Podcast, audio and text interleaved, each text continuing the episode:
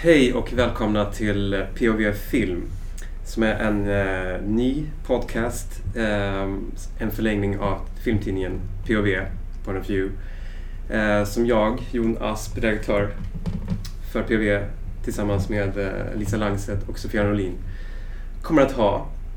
Vi ska diskutera nya och gamla filmer, göra spaningar, kanske prata om filmpolitik, bjuda in gäster. Lite allt möjligt. Ehm, Eh, jag, är, jag är kritiker som sagt och redaktör. Kan inte ni kort bara presentera er, Sofia och Lisa, och varför vi gör den här podden? Mm, eh, Sofia Norelin. Eh, jag är regissör för film. Jag har gjort en första långfilm uppe i Kiruna, Ömheten, för några år sedan och nu gör jag en andra förbereder en andra långfilm nere i Marseille för att jag bor också i och jag bor i Frankrike sedan 26 år tillbaka. Och eh, jag skriver på Point of View också. Och jag kommer också från teatern eh, och regisserar teater. Och eh, jag är i Stockholm för att jag undervisar i regi på DI, eller som nu heter SKH. Och ehm, Stockholms konstnärliga högskola. Stockholms konstnärliga högskola, absolut. Och eh, ska jag säga det här? Ja, jag säger det. Vi, vi, vi brukar ju snacka om film. så det här är också liksom ett sätt att snacka live. Vi brukar ju inte alltid tycka likadant om film, vi tre. Vi brukar ju till och med ibland nästan gräla om film. Eller liksom tycka, tycka väldigt olika. Det kanske inte blir så just idag, men, men äh, förhoppningsvis så tycker vi inte alltid likadant om film. Men vi, vi älskar ju film, det är därför det blir så brännande. Och Lisa, vad är din ingång? Eh, men jag tycker bara att det är så himla roligt att prata om film. Jag pratar ju hål i huvudet på alla människor hela tiden vart jag än rör mig. Så det är ju så underbart att få göra det liksom i den här eh, formen. Så det, det ska bli jätteroligt. Eh, och jag kommer ju också från teatern eh, eh, från början eh, och sen så ha, började jag jobba med film. Jag är manusförfattare och regissör. Eh, och eh, min senaste långfilm var Euphoria och nu så har jag gjort en eh, tv-serie som kommer sändas på Netflix i november. Som heter Kärlek och anarki. Precis. Och det var också genom teatern som vi träffades för väldigt länge sedan. Men precis, jag... precis. Sofia regisserade en pjäs som jag skrev som heter Klimax som spelas på Dramaten och sen så eh, hörde Sofia av sig och frågade om hon fick sätta upp den i Paris. Och gjorde en helt underbar föreställning i Paris.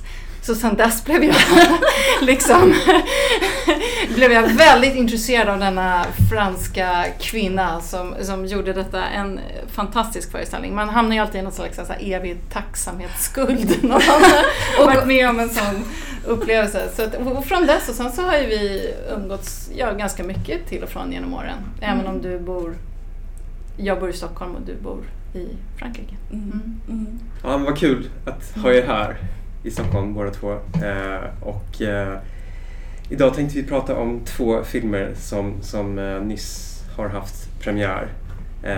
Det är dels Jessica Hausners Little Joe som hade premiär i Sverige förra veckan och så är det Charlie Kaufmans I'm thinking of ending things som har premiär, jag tror det är nu i början av Imorgon. september. Imorgon, ja. Precis, 4 september mm ja. Eh, direkt i Netflix, ingen, ingen festivalpremiär alls. Eh, så utifrån de två filmerna tänkte vi spåna, analysera och så här, se vad, vad, vad, kommer liksom den här typen av typiska arthouse-filmer mm. ta vägen framöver. Det är väldigt många nu som är glada över att biograferna har öppnat igen världen över. Christopher Nolans Tenet upptar så gott som varje salong. Eh, samtidigt så finns det inte så mycket utrymme kvar för andra filmer. Ehm, så då finns det en del frågor att ställa sig. Kommer de mm. visas i Netflix eller ska de visas på små eh, profilerade kvartersbiografer? Vad vet jag? Ingen aning. Mm. Jag tänkte på, jag bor i Paris så jag har inte ens varit på bio sedan de öppnade. Men jag vet ju, jag har kollegor som har gått och det har varit liksom trots premiär, fyra pers i, i salongen, ändå i konstfilmsbiografer så det är liksom inte Um, nu är samhället stängt där på ett annat sätt men, men um, mm, förhoppningsvis snart. Men hur går, hur, hur går snacket liksom med, um, med dina vänner och bekanta? Sig, ja. Ja, för att gå på Ja, absolut, Ja, absolut. ja. Eh, Hela samhället är ju maskat, utom på terrasserna när man kan sitta liksom och ta... Så fort man sätter sig på en terrass så kan man ta ett glas vin eller en öl och så får man ta av sig masken och sitta och snacka och äta. Och... Men eh, så fort man går från terrassen så har man ju mask och, och det är liksom det, det, är ju inte maskens fel, den har man också inne på biografen, men det är liksom, eh, det finns en slags dystopisk eh, eh, stämning som gör att man, det, är liksom, det ger inte lust att gå på bio på samma sätt. Liksom. Och, och jag tror att de som, det är ju en jätteskillnad från Sverige, men att de som vågar sig in på biografen är liksom vad det anses som en, en risk tror jag, liksom, på, Mm. på, på riktigt. Mm. Lisa, vad har du sett för filmer? Hur har din filmkonsumtion sett ut, sett ut under det senaste halvåret? Och jag har inte varit på bio en enda gång. Jag har ju en jag har faktiskt en projektor hemma som jag ser, sitter så ser rätt bra där tycker jag. Men, men det är klart att alltså, det är en större fråga i det, blir, det är ju en större fråga i, i förlängningen kring, bara, liksom, det handlar inte bara om de här liksom, dåliga siffrorna just nu utan det är ju en jättestor fråga hur, vem, vem, var ska pengarna komma ifrån i filmindustrin? Vem ska liksom ha pengarna, det vill säga makten blir det ju i förlängningen liksom, som, som gör att filmarbetarna kan jobba och vad kommer då produceras. Liksom. Så det är ju en jätte... Men den omvandlingen hade ju liksom börjat nästan innan Mm. pandemin. Mm. Alltså frågan kring Absolut. liksom, med digitaliseringen och hur gör vi med de här liksom, streamingtjänsterna och samtidigt och vi hade ju eh, sämre och sämre mm, publiksiffror i Sverige för svensk film redan innan och nu är det väl liksom jättekris men det är en jättestor komplicerad fråga, Fråga. Som, är, som är jättesvår och som också är man kan ju tycka saker på ett filmpolitiskt håll men sen har man ju också saker att förhålla sig till som kreatör. eh, Att liksom, eh, ja, men det kommer vi nog komma in på många gånger Mm. känns det Mm. som framöver. Men, men hur tänker du, för du har ju ändå spelat in eh, delar av Kärlek och anarki under den här tiden. Mm, jag tänkte just på när den svenska filmhösten presenterades mm, härom, häromdagen via länk. Eh, och de filmer som var med där så var det en film som jag tänkte särskilt på, Josefin Bornebusch, hon som, hon som regisserade den här Älska Mhm. mig Mm. för Viaplay tror jag det var. mm, Och som många såg. Eh, hon hade ju liksom gjort en coronafilm nu med särskilt stöd tror jag.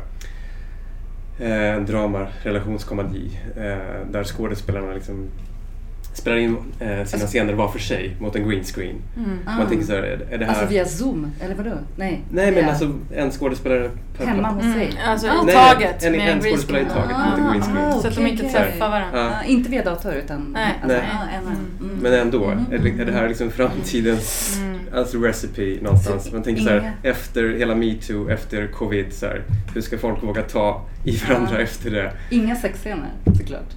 Eh, jag Eller? vet inte. Eller det vet De vi. snackar inte det. Shit vilken utmaning. Men hur tänker Ja, du Lisa kring det? Alltså, Mm. kommer det Ja, liksom men vi se var jätte... Ja, jag vet inte, det är ju en svår fråga. Alltså, ehm, ja, man får ju hitta olika sätt. Vi, hade ju, vi försökte ju säkra upp så mycket vi kunde. Vi, vi filmade absolut största delen då innan pandemin bröt ut. Så att vi hade tre veckor kvar som vi filmade då när det var eh, eh, hade, hade kommit och liksom har slagit igenom. Så. Så vi hade ju massa restriktioner och vi, man delar upp sig i olika grupper så att man inte liksom är på samma... Så, så få människor som möjligt tillsammans. Försökte film, flytta scener inifrån så man flyttar ut dem och spelar, utom, spelar in dem utomhus istället. Och jättemycket restriktioner kring vilka toaletter, vilka tallrikar man fick Okej, röra och liksom, ja. alltså, så man indelade olika mm, eh, olika enorma mängder bajamajor liksom, som skulle transporteras från varje scen till en annan för att vi var tvungna att Ja, jag fick bara gå och kissa på samma bajamaja som min fotograf och min fadd. Är det här Netflix som liksom, eh, vad säger man, alltså kräver eller är det liksom, det är inte svenska, eller? Är det svenska? Jo, nej, det var ju, alltså, de, de la ju ner alla produktioner så vi var ju nästan den enda som filmade. ah, liksom. ah. Eh, som, som de drog igång då, så de var väl också, men de försökte väl ta någon slags ansvar för situationen. Mm. Alltså för, eh, ja, alltså ingen vill ju vara med om den här situationen att någon råkar illa ut. Alltså att Nej. vi. Mm. så att eh, vi gjorde inte någon, någonting liksom som påverkade handlingen eller scenernas innebörd eh, alls. Faktiskt. Alltså vi gjorde inga förändringar ut, Nej, utifrån det det, måste- utan Nej. vi, det, alla förändringar vi gjorde var liksom praktiska på något sätt. Så att det, det, det, men jag läste också, vi pratade om det innan, men jag läste om eh, det här att det, det var vissa produktioner, amerikanska produktioner nu som liksom att de inte ska producera, att de inte ska göra sexscener till exempel Nej. längre och så här. Att det känns väldigt, eh, väldigt speciellt att liksom att det äter sig in i själva liksom konsten i sig. Mm. För att jag menar, vi har ju en, ett problem kring distributionen och kring liksom själva liksom tillblivandet. Men att, att liksom själva konsten ska formas utifrån Mm. en pandemi. Ja, det, det, det är en speciell tanke. Det, det, det, spontant tar det emot i djupet av mitt Mm. hjärta. Jag får liksom panik av den tanken. Men, men, men eh, samtidigt så, ja men precis. Ingen, vi, in, ingen vill ju göra en annan människa illa liksom. Så det, det är svåra frågor. Mm. Men där kan man tänka som en spaning, liksom, att kanske kan vara så att, jag vet inte alls, men liksom, att om de här filmerna blir mer censurerade, rent liksom, sexuellt eller så på grund av corona, så kanske de, är det inte så att Kina liksom är största Uh, Olivia Sayas i sin artikel om, om eh, samtiden i film och framtiden i film, då säger han det liksom att redan nu så censureras det för att kunna säljas på en jättestor marknad. Så kanske det är, liksom, kanske det är smart i vissa termer. Och kanske, fast jag menar att det är ju extremt trist. Men sen så kanske efteråt, när corona är över, om det inte nu kommer en massa andra bakterier från Amazonas eller så, så kanske det blir liksom värsta revolutionen. För då har liksom folk inte fått se sensuella scener på extremt länge och så blir det liksom bara en, en, eh, en jätte... Jag tror ju folk går till andra kanaler Revolution! Eller? Folk går till andra kanaler Ja, det de tror jag också. Absolut, det finns ju absolut. Ja, det finns ju absolut. Men jag menar kanske till och med liksom i spelfilmen och så att, att man liksom, då har man fått vänta så jäkla länge så att då, är, Mm. då kanske det blir jättesensuella filmer. Vem vet? Så. Ja, man kan också tänka att det blir ett representationsproblem någonstans. Alltså, om man tänker att folk kommer inte sluta att ha sex och att vara intima Nej. privat. Men när liksom, om omständigheterna på en teater eller på en filmset Mm, liksom, ja. blir mer och mer beröringsskräck liksom, efter Mm. metoo och efter covid. Mm. Vilket är Mm. naturligt ju. Ja, det Då, finns... då blir det ju ett större och större glapp liksom, mellan, mellan verklighet och mellan eh, det som ska eh, representera verkligheten. Mm, mm. Ja, eh, i, franska, franska kollegor nu, både i Frankrike och Schweiz, de, de spelar med visir. På, alltså nu menar jag på teatern, på teaterscenen, men då var det liksom um, sådana här plastvisir. Så, så, att så att publiken kan se munnen, men det kan man ju inte använda Ja, man kan se munnen, film. för det tyckte jag var det som påverkade mig mest. Att vi hade ju också så ansiktsskydd när vi jobbade. Ja. Och det är jättespeciellt att man, inte, att man jobbar med människor när man inte Mm. ser, man har bara ögonen och hur mycket man läser av minspelet liksom, när man jobbar i ett högt tempo. Liksom, att man, det tyckte jag var speciellt, att liksom inte kunna se ett helt ansikte när man pratar om eh, viktiga saker och försöker nå fram. Mm, mm. Ja. Mm. Intressant. Ska vi, ska vi börja snacka om eh, filmerna som vi har sett inför Yes. idag? Mm. Eh, kanske börja med Jessica Hausners Little Joe. Eh, bara en kort eh, introduktion till Hausner som en österrikisk regissör. Det här är hennes första eh, engelskspråkiga film. Eh, han premiär i Cannes förra året, så den klassiska resan. Huvudrollsinnehavaren Emily Beecham vann skådespelarpriset. Ehm, och eh, ja, det är liksom en europeisk arthouse kan man säga med, med internationella stjärnor till viss del. We are entering a new era here. The first antidepressant happy plant. I mean, you can imagine the benefit for humanity. Joe, look what I have for you. This is a very special breed. What do you say we call him Little Joe? What's so special about it? It makes you happy.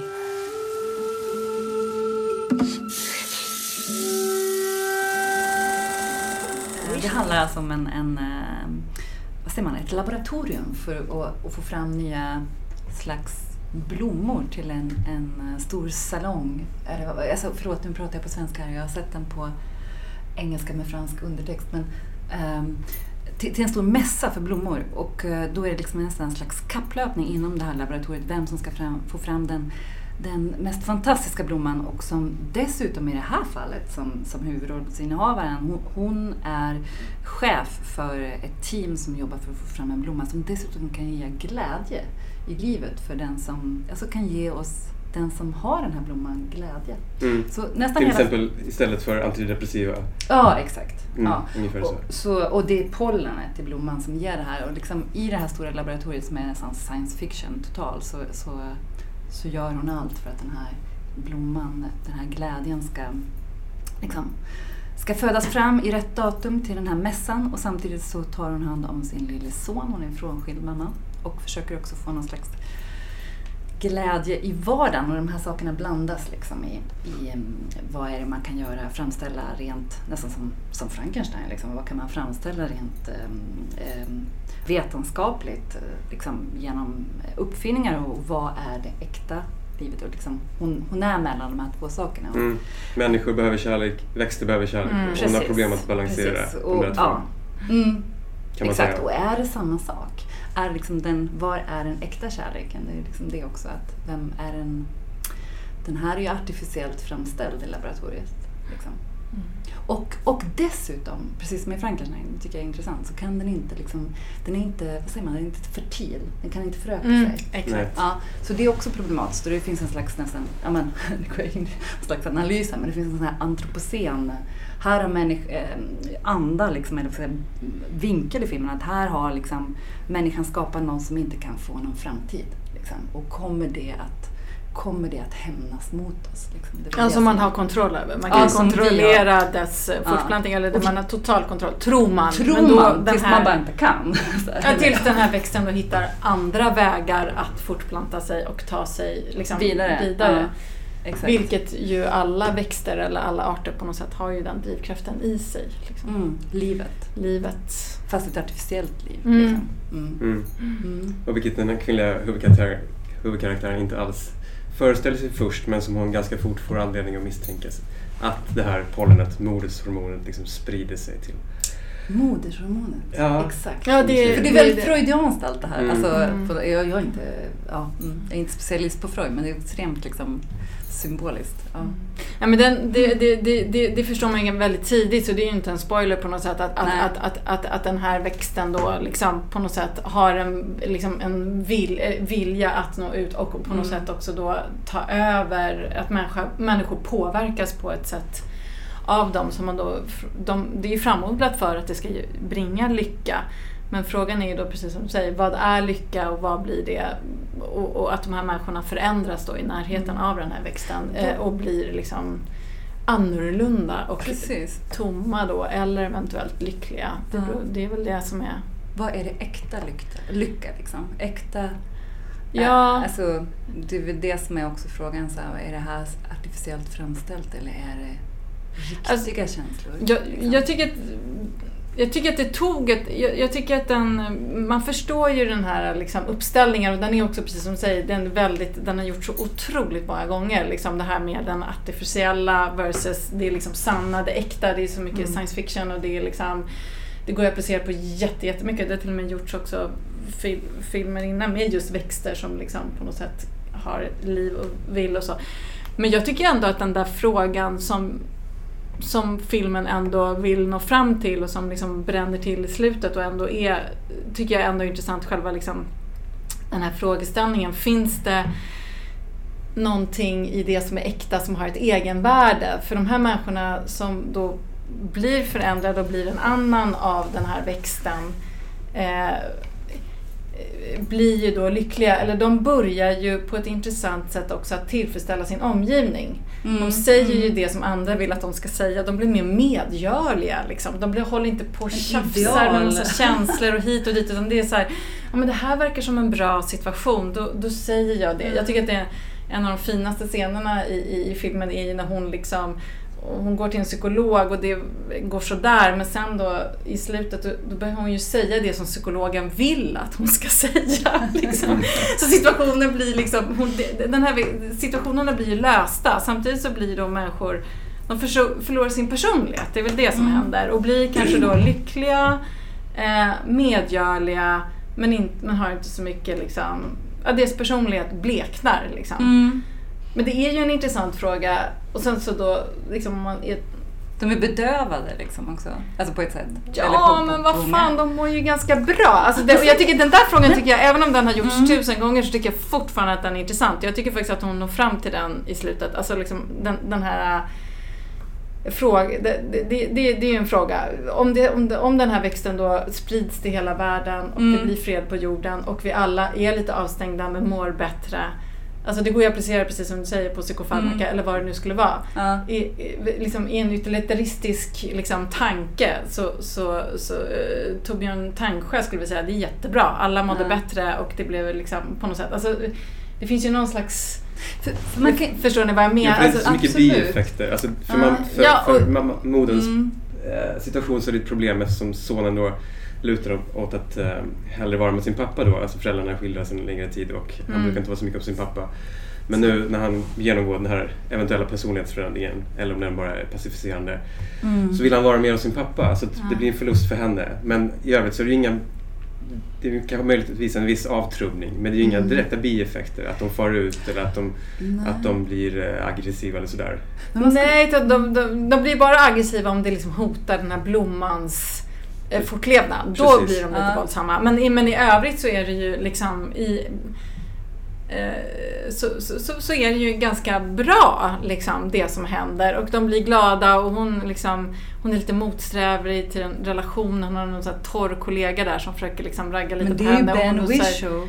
Ja, han men, är ju super... Alltså, hon ser honom inte. Han är där med alla sina känslor. Hon bara ser honom inte.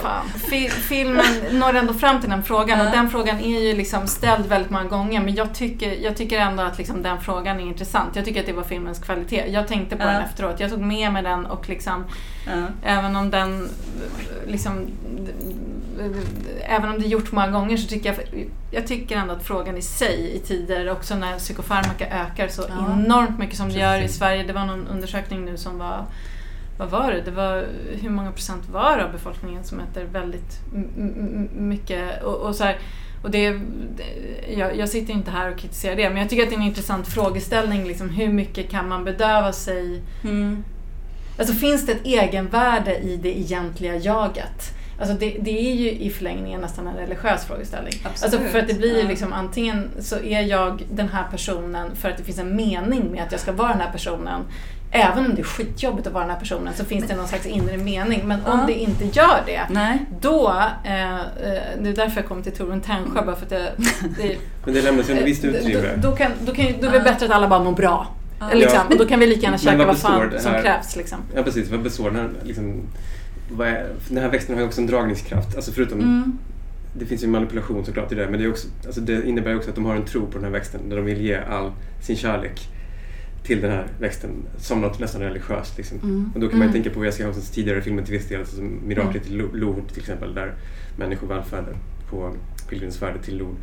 Eh, så det finns ju liksom en, det finns ju ändå, det, den är inte så helt ensidigt gjord liksom, att det, att det liksom är en drog rakt av, utan det kan ju också vara symbolen för någonting totalitärt till exempel. Så här. Mm. Absolut. Men Nej, jag tycker, jag jag tycker samtidigt att det här i förhållande till hennes tidigare, vissa av hennes tidigare filmer blir ganska mycket en stilövning ändå.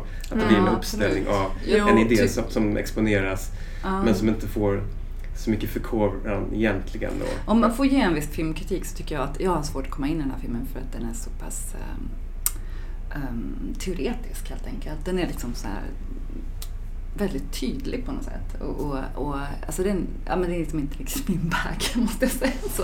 Men, men jag, jag tänker på, liksom rent visuellt, den är så extremt ren och, och liksom Um, allting är perfekt, kostymen, och, ja, kostymen, alltså allting är så himla komponerat. Så ibland är det som Wes Anderson, liksom jag, men vad är, vad är jag för film? Så här, och, Många människor kämpar ju med de där känslorna. Ja, jag kämpar Ja. också med de känslorna. Alltså, så Alla. olika ty- alla Mm, kämpar ju alla. dem, eh, med dem. Och det, är ju ganska, alltså, det har ju skett en vändning inom psykologin till exempel som är på, påtaglig. Som är så här, ja men liksom, har du jobbiga känslor så finns det väldigt mycket medel att ta. Och, och går du till någon och säger att du mår dåligt så är ju största, alltså det är väldigt stor chans att du får psykofarmaka i någon form på något sätt.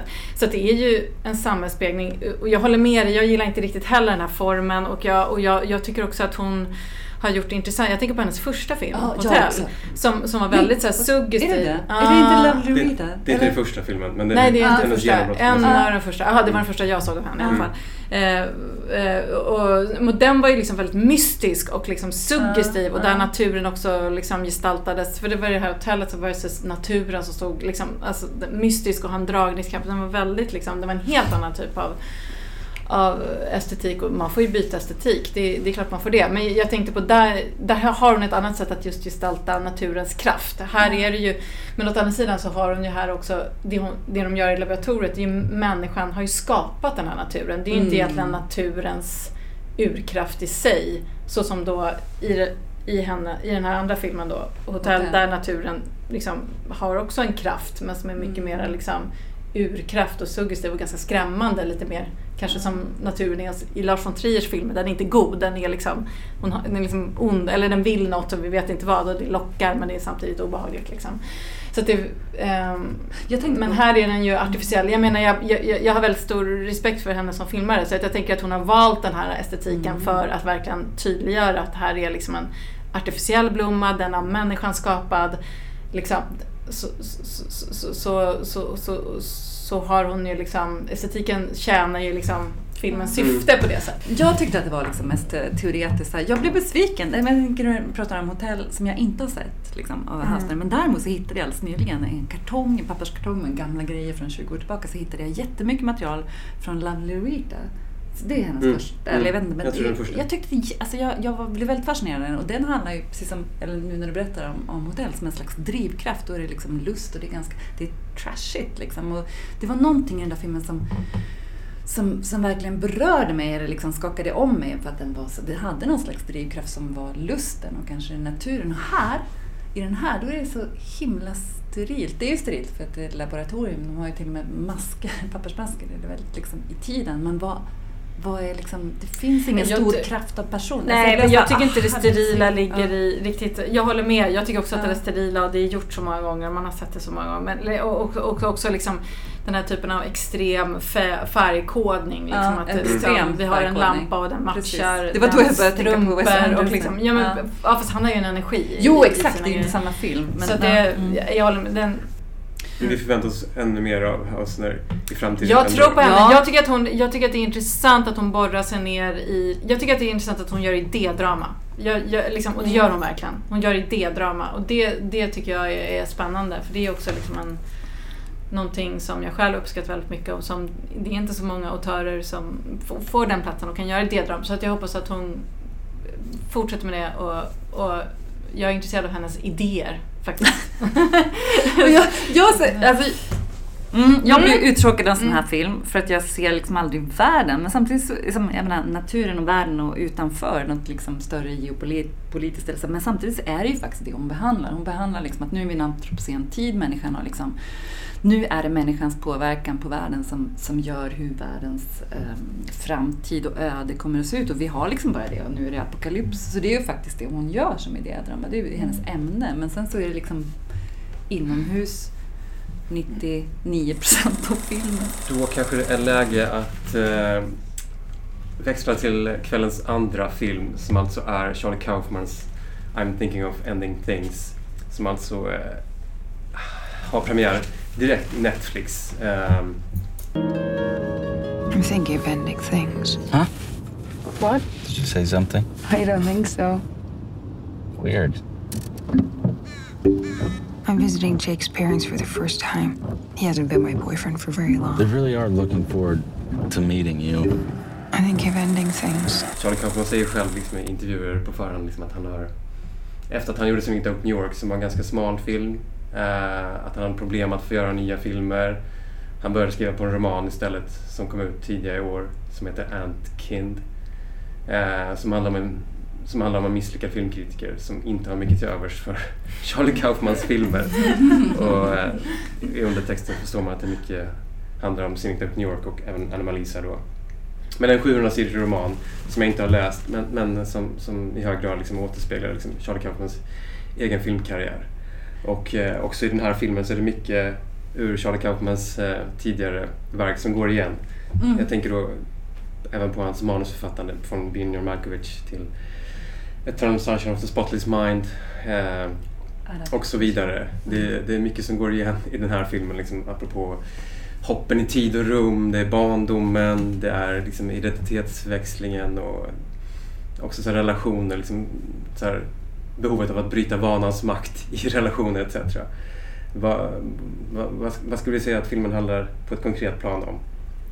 Mm. Konkret så är det väl en eh, deprimerad ung kvinna som le- har en relation som hon är lite tveksam till och sen men ändå följer med den här pojkvännen eh, för att träffa hans föräldrar ute på landet för första gången. Det är väl ändå liksom, om man försöker Ja. hålla sig rent konkret i vad det handlar om. Efter sju veckors relation. Efter sju, bra där. Och hon är sju poet. veckor. Ja. Hon är poet. Eller är hon det? Ja. Alltså det är ju också lite sådär, det, det, det börjar man, man tror det från början att Ja. hon är, eller om hon är fysiker, eller hon är Mm. både och och konst. Hon målar ju också. Mm. Så Det det, är växlar. väldigt såhär, det växlar. Det växlar. Ja men exakt, du har rätt. Så, så att det löses ju Mm. upp. Men om man, om man bara, det, det enda man har liksom att hålla sig i rent faktiskt är Mm. ju, hon är deprimerad från början känner man ju. Är i en relation som hon känner sig tveksam till, följer med honom efter sju veckor hem till hans föräldrar ute på landet. Mm. I snö. I snö, Mm. i en bil. Mm. Och Och sen där är- har ni tanken att upprepa det här filmens titel också. Att hon Precis. funderar på att avsluta hela relationen. Liksom. Ja, det Mm. finns ju Eller- också, eller relationer, men det är också avsluta eh, hon är ju väldigt, alltså, när hon läser sin poesi, läser sina texter, hon är ju deprimerad skulle jag säga. Att för mig handlar den här filmen om depression. Alltså att hon Mm. råkar rakt in i sin depression och att den här pojkvännen visar sig ha ännu mer av, av, eller hårdare av den varan. Liksom. Eh, Men den går ju verkligen att prata om den här filmen. Jag skulle också faktiskt vilja nämna Kaufman som manusförfattare som Mm. ju faktiskt har gjort helt fantastiskt intressanta filmer med I huvudet på Jan Malkovich och eh, Adaptation. Eh? Adaptation. Ja, och, och liksom eh, också eh, Intern and Sunshine Mm. of the Spotless Mind. Alltså att han... För Ja, han är ju framförallt manusförfattare. Ja! Mm, och, det, precis. och, det, och han Mm. är en, apropå, det finns en likhet med Jessica Hauster för att han är en idédriven manusförfattare. Så som jag, så som hans tidigare filmer och som var fantastiskt att se liksom på en amerika, amerikanska storfilmer liksom i huvudet på John Malkovich som ändå var så far Mm. out och så liksom egensinniga och också Anna-Malisa var ju också verkligen ett idé, liksom, det, det är en filosofisk tanke som han liksom driver. Jag tyckte att den var underbar den filmen. Eh, så, så, han, eh, ljuvlig, eh, bland de bästa filmer som har gjort av att gestalta ensamhet. Man upplever det liksom fysiskt i kroppen. Den är eh, fantastisk. Så att jag, eh, det- det som, det, det, jag- kan säga det med en gång, jag tycker han ska skriva sina egna manus. Alltså problemet med den här filmen tycker jag är att han har gett sig kast med liksom en bok som han inte har lyckats, lyckats hantera. Liksom. Alltså, Ja. jag, jag, jag tycker att det finns, så, det finns så mycket kvalitet i den här filmen som är så ljuvliga och där man känner honom och hans röst och hans liksom, eh, eh, språk och hans liksom, kompromisslöshet som filmskapare som han ändå liksom har burit både som manusförfattare och som regissör. Eh, Men här, jag, jag, jag, jag, jag tror att problemet är att han har försökt att liksom göra film på en roman som inte går att filmatisera. Och det här är en spaning jag har som jag skulle vilja prata mycket om. För det här tror jag Okej. är någonting som... Håller du med om det? Eh, ja. Ja, jag, ja, alltså, jag är jätteintresserad av spaningen i efterhand. Jag tänker att, att liksom han... Nu ska jag prata om honom som regissör. Jag har ju inte läst boken. Eller liksom, vi har, har inte läst boken. Vi har ingen aning om vad den är. Liksom. Men jag tänker så här. Um, det finns någonting intressant i den här filmen. Jag älskar ju filmen. Det här är ju absolut inte samma film. Spegeln av Tarkovsky. nu går jag in på någonting helt annat. Fast det är inte samma. För det handlar om tiden. Och det handlar ju liksom om tiden i hans film. Och, här, och de säger... En annan pitch av filmen skulle vara så här att de säger så här i början i en konversation som, som sträcker sig i timtals i bil, i bilåkande i snö. Alla djur kan leva i nuet utom människan.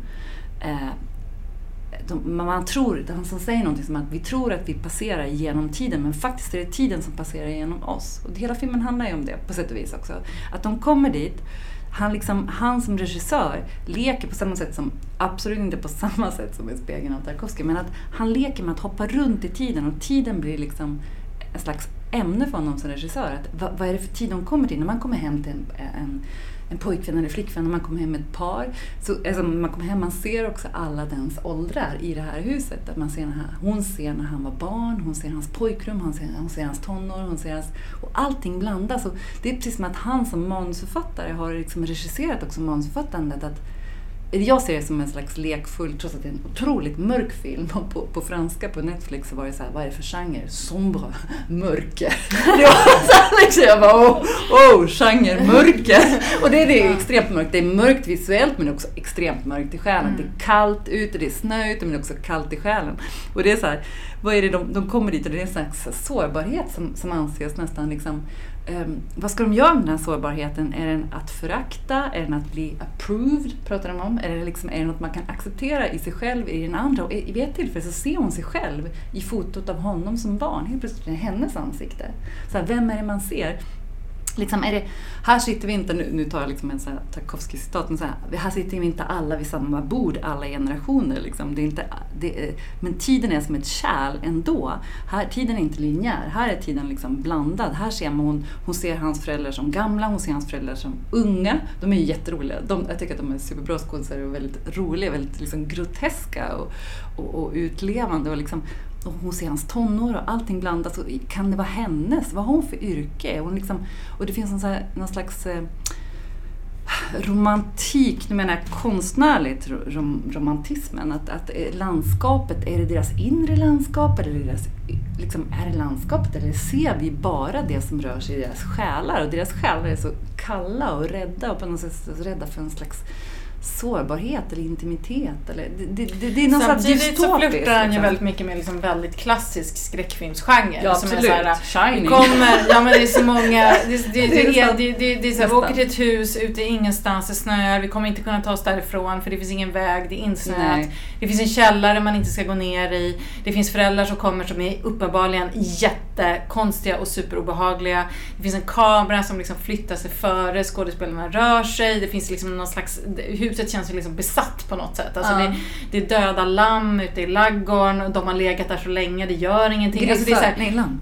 lamm Mm. som ligger och de här grisarna som också har dött, någon makaber död. Och liksom, Mm. Så man känner att det finns ju, så att jag, jag blir lite frågande kring hur jag ska läsa den här filmen. Och för mig så är det på ett plan kan jag lägga mig platt för att jag tycker att han är så pass intressant som filmskapare. Men jag tycker att han går vilse i vad är det för typ av berättelse. Jag, jag kan inte följa honom till slut. Liksom.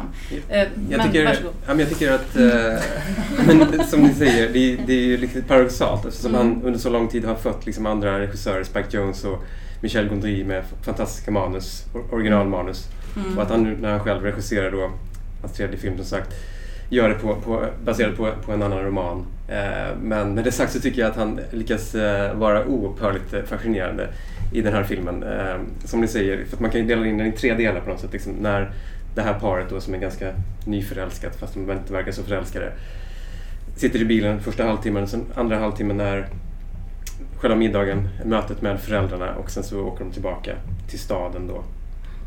Fortfarande i snöstorm och sen så händer lite saker på slutet som, som vi kan återkomma till.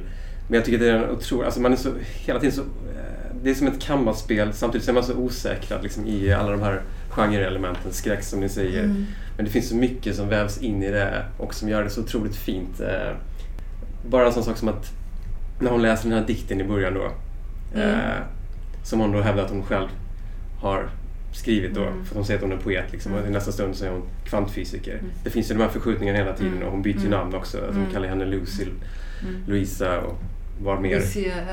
Mm. Så det finns någon... eh, Det ringer också någon som heter det hon har sagt att hon heter på mobilen. Precis. Så det är helt upplöst. Ja, ja. Verkligen.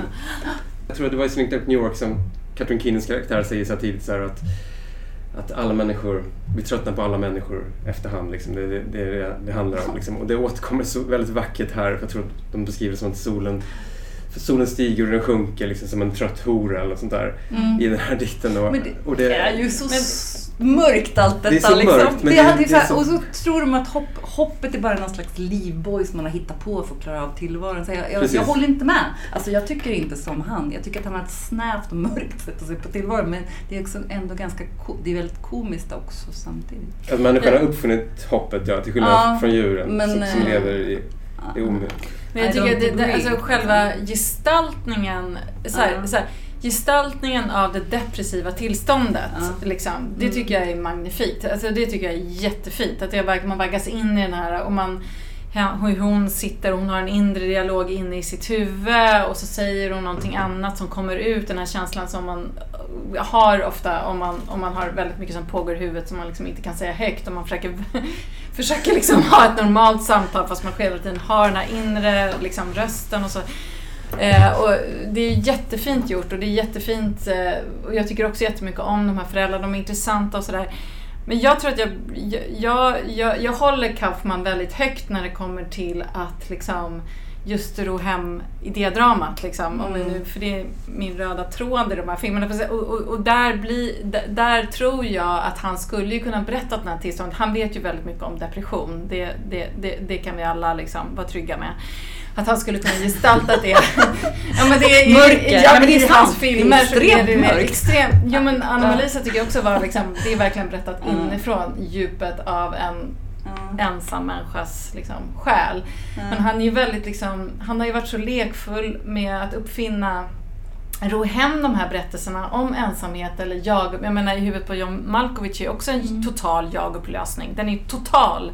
Vem är vem i vilken kropp och vi vet ingenting liksom. Mm. Och det, jag tycker att han, han har varit så bra på att ro hem den här typen av berättelser och liksom få en ro hem dem hela vägen. Förstår ni vad jag menar? Att det blir ett fulländat idédrama, det blir liksom, det säger någonting. Och här tycker jag att det börjar spreta åt massa olika håll. Så att jag, och, och det är egentligen bara, det säger jag bara för att jag tycker otroligt mycket om honom och hans värld. Jag, jag, jättemycket, och jag saknar den i den här. Jag tycker att jag känner att det finns liksom en konflikt nästan med en bok som vill som liksom vill åt något annat håll. Eller, jag, jag tycker, han, han har gjort så jävla helgjutna grejer. Det är kanske är dit jag vill komma. Ja. Men här tycker jag inte att han liksom han ska skriva sina egna jävla manus. Det, det, jag, tänker, jag tänker också att den beskriver, alltså jag är lite sådär skeptisk ibland, alltså faktiskt, mot regin i filmen.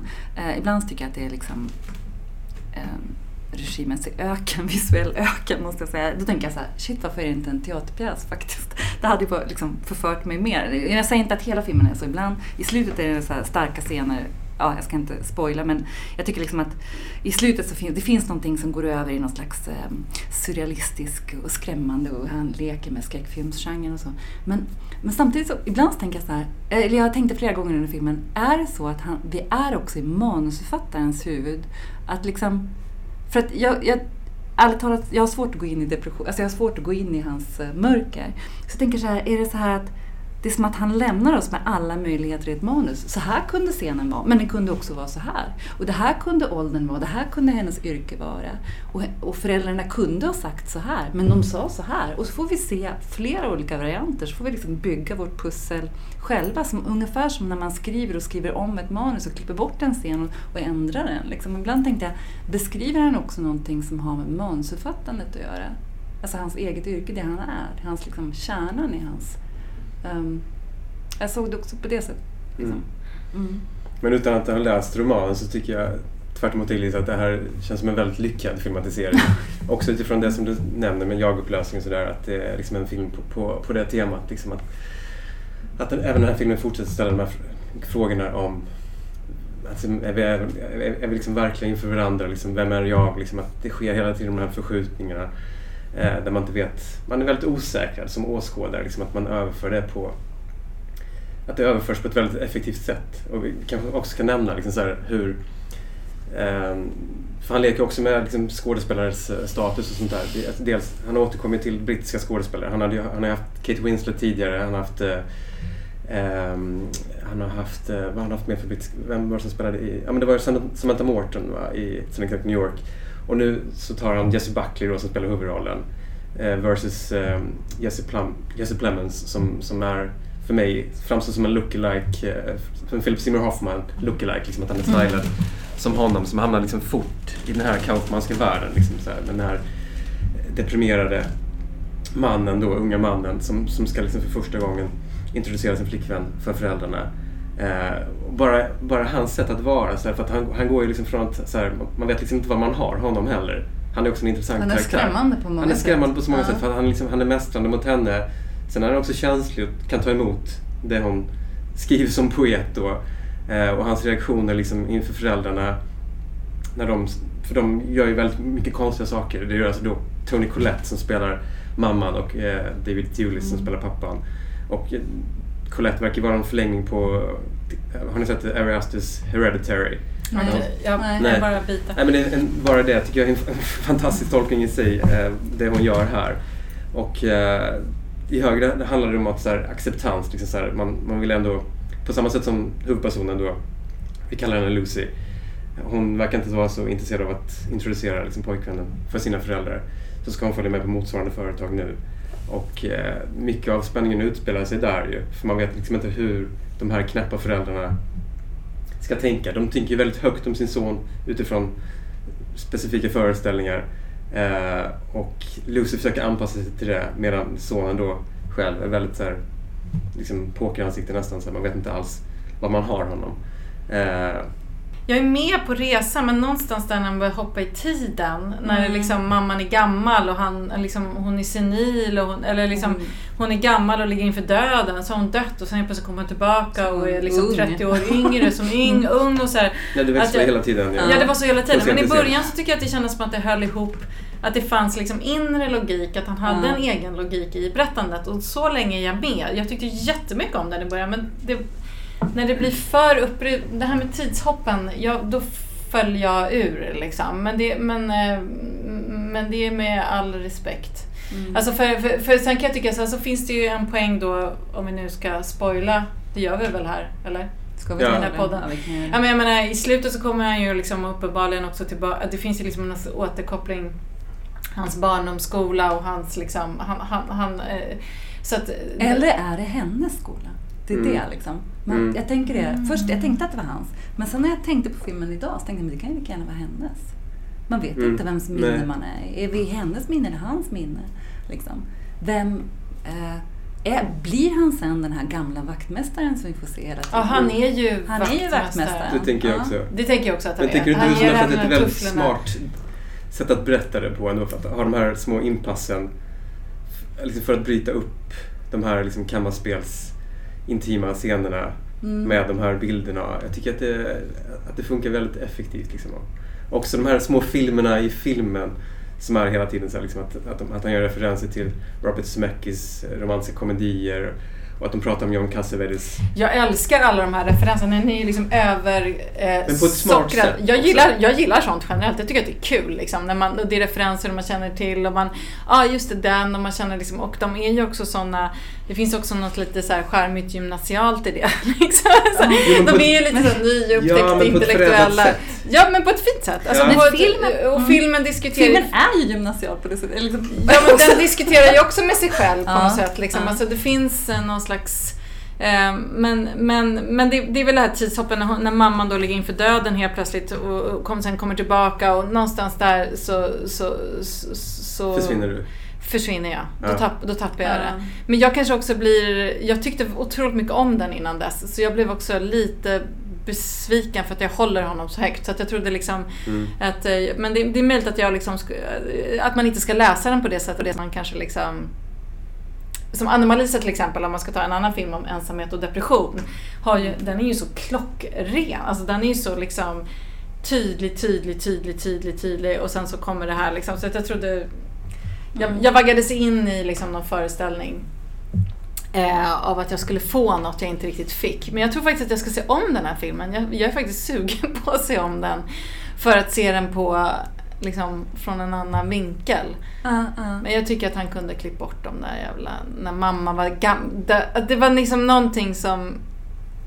Den drog åt så väldigt många olika Det är ju håll, som ett, liksom. ett pussel liksom som Mulholland Drive eller liksom man sitter och Fast. Mulholland Drive är jävligt bra. Jag såg, Ja, jag såg om den, jag såg om Ja. den för faktiskt bara två veckor sedan. Ah, Och jag, i Ja. helvete vad bra den är.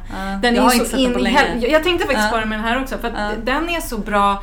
För den lyckas ju precis med det som jag då, Pusslet med där all respekt liksom. för den här filmen, Ja. inte tycker att den gör. Jag tycker att den, den, när, man, när den är slut med Mulholland Drive så känner man så här: jag har förstått allt och ingenting. Alltså den, Ja. Men jag lämnas ju med en tillfredsställelse av att jag har så här Jesus, jag har liksom, det är liksom löst. Jag har, liksom, jag har varit med om, jag har förstått något som jag inte riktigt kunde förstå. Mm. Här tycker jag att jag, lös, jag lämnas med liksom tusen frågetecken. Och det, då blir jag så här, hmm, Ja, det, jag det, är mycket inte... mer, det är mycket mer skört. Det här pusslet är inte... Det har, och liksom, Ja. Man har inte rent regimässigt en slags hy, hypnotisk effekt, liksom, som en slags surrealism som man kan följa hela vägen. Utan man söker aktivt. Eller liksom, Man får Men- jobba jävligt mycket. ja, Själv. absolut. Mulholland Drive är ju för övrigt en väldigt tung jämförelse. Alltså Mulholland Drive är ju väldigt tung att jämföra med i sig. Eh, Men jag tycker att... Men den har ett liknande tillstånd. Ja, verkligen. Ja, På samma sätt, jag menar, mm. Jessica Hausners film Little Joe hade ju passningar till Persona. Det har ju också den här filmen helt uppenbart. Liksom. Mm. Inte bara Persona på det utan också Smultronstället när hon nästan så här övervakar eh, scener. Det är som att hon går ut ur rummet liksom, och ser sig själv liksom, i andra situationer. Men eh, jag, jag tycker liksom att det här lekfullheten, alltså inte på ett gymnasialt sätt utan att det verkligen alltså att det, det bidrar till en rikedom snarare. Bara för att ta som ett, ett exempel, inte bara liksom att de kan recitera en dikt liksom, och få det att framstå som fantastisk poesi, vilket är väldigt ovanligt på film. Liksom, så här. Jag tycker det är en kvalitet i sig. Men också då som att de kan prata liksom, om A Woman Under Influence, Cassavetes film, liksom då, där hon liksom går in och mer eller mindre eh, upprepar Pauline Kaels, den, den kända New York-kritikerns eh, sågning av Cassavetes film. Där liksom det är väldigt många jag tycker liksom att det är nästan, inte sömlöst, men jag tycker att de här små filmerna i filmen verkligen bidrar till någonting och, och, och, gör det rikare. Um, på ett sätt som man sällan ser i den typen av referens filmer, som det här i hög grad är. Men liksom, huvudargumentet för att den är en stark film är för att den är oförutsägbar och att man så, trots alla de här aparta sakerna, och inte minst med föräldrarna då, som verkligen beter sig som utomjordingar, så är man ändå drabbad av, eh, av liksom karaktärernas predikament liksom, i, i den här tillvaron. Jag tycker det är eh, oupphörligt eh, fascinerande och verkligen en film som man skulle vilja se på bio.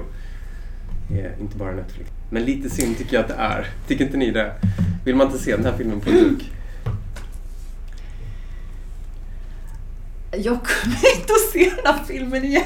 Du kommer inte det? Nej, det kommer jag inte göra. Nej. Eller det kanske jag gör någon gång. Nej men alltså grejen att, nej men alltså, jag, eh, ja men nu ska jag säga min spaning här.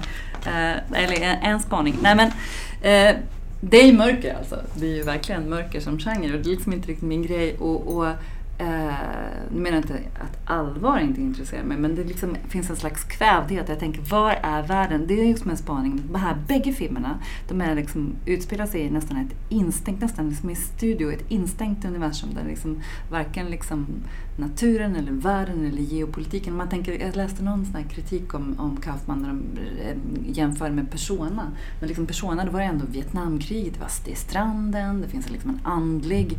Jag tänker så här, shit, vad, vad är världen? Vad är utanför det här? Varför ser jag bara liksom...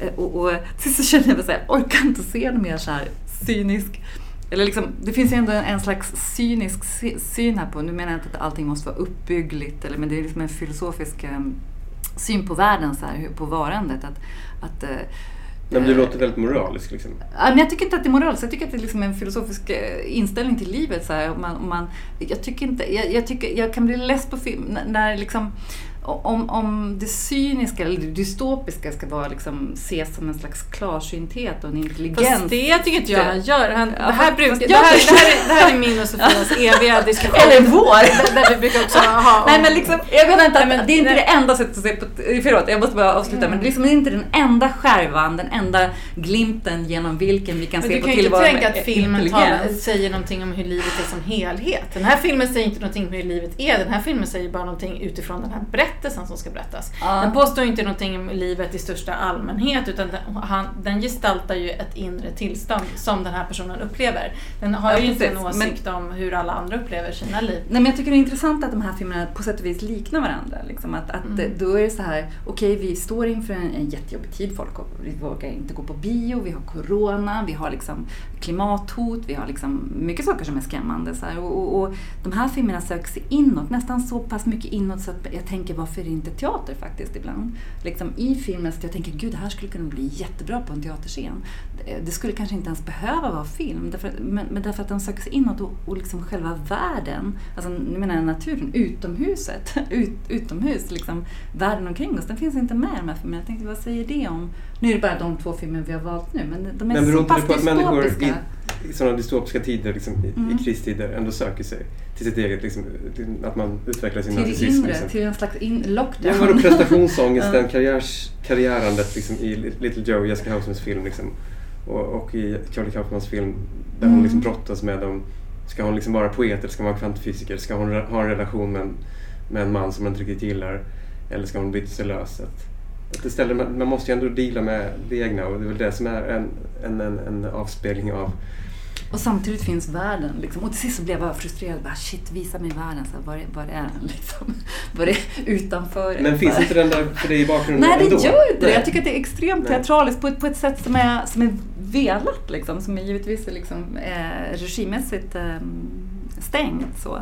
Och, och, ehm, eh, och, och, och så tycker jag också att de här filmerna pratar om en slags rädsla för sårbarheten. Nu är det liksom bara min egen uppfattning, jag vet att. Liksom, men, och, och jag tänker så här, till exempel nu, eh, liksom, ehm, Men de handlar ju om ett klaustrofobiskt eh, Ja. tillstånd alltså, och därför har ju de här regissörerna valt eh, på olika sätt, helt olika sätt, eh, liksom att föra in det klaustrofobiska i sin estetik. Alltså det, Mm. jag, jag, där tycker jag, jag, jag håller inte med, jag, där, tycker, där tycker jag att Kaufman lyckas med den här. Sen är jag liksom kritisk på andra sätt, vilket jag tror jag har att göra med den här dramatiseringen på romanen att göra. Men att han inte riktigt får ihop berättelsen. Men jag tycker själva tillståndet av depression tycker jag är jättebra gestaltat. Alltså det här äh, instängda, att inte kunna, det här paralyserade tillståndet liksom, där saker pågår, det pågår någonting inne som inte stämmer överens med det ute. Att det, att det är, gestaltat, den känslan av, eh, eh, av depression tycker jag han lyckas gestalta. Mm. Så trots att han filmatiserar andras manus så är du beredd att ge det en andra chans, Lisa? Ja, men jag tycker han ska skriva sina egna manus. För han är så jävla bra på det. Så jag tror att han skulle kunna tagit det här ämnet och gjort det till sitt eget. Men det, ska, det, det är ju bara någonting jag... Mm. Mm. Mm. Då eh, ska vi tacka för oss. Det första Okej, avsnittet tack. av POV Film. Eh, vi kommer tillbaka snart igen med eh, nya filmer, gamla som nya och nya spaningar. Eh, lyssna på oss då. Tack ikväll. Tack. Tack. Hej då.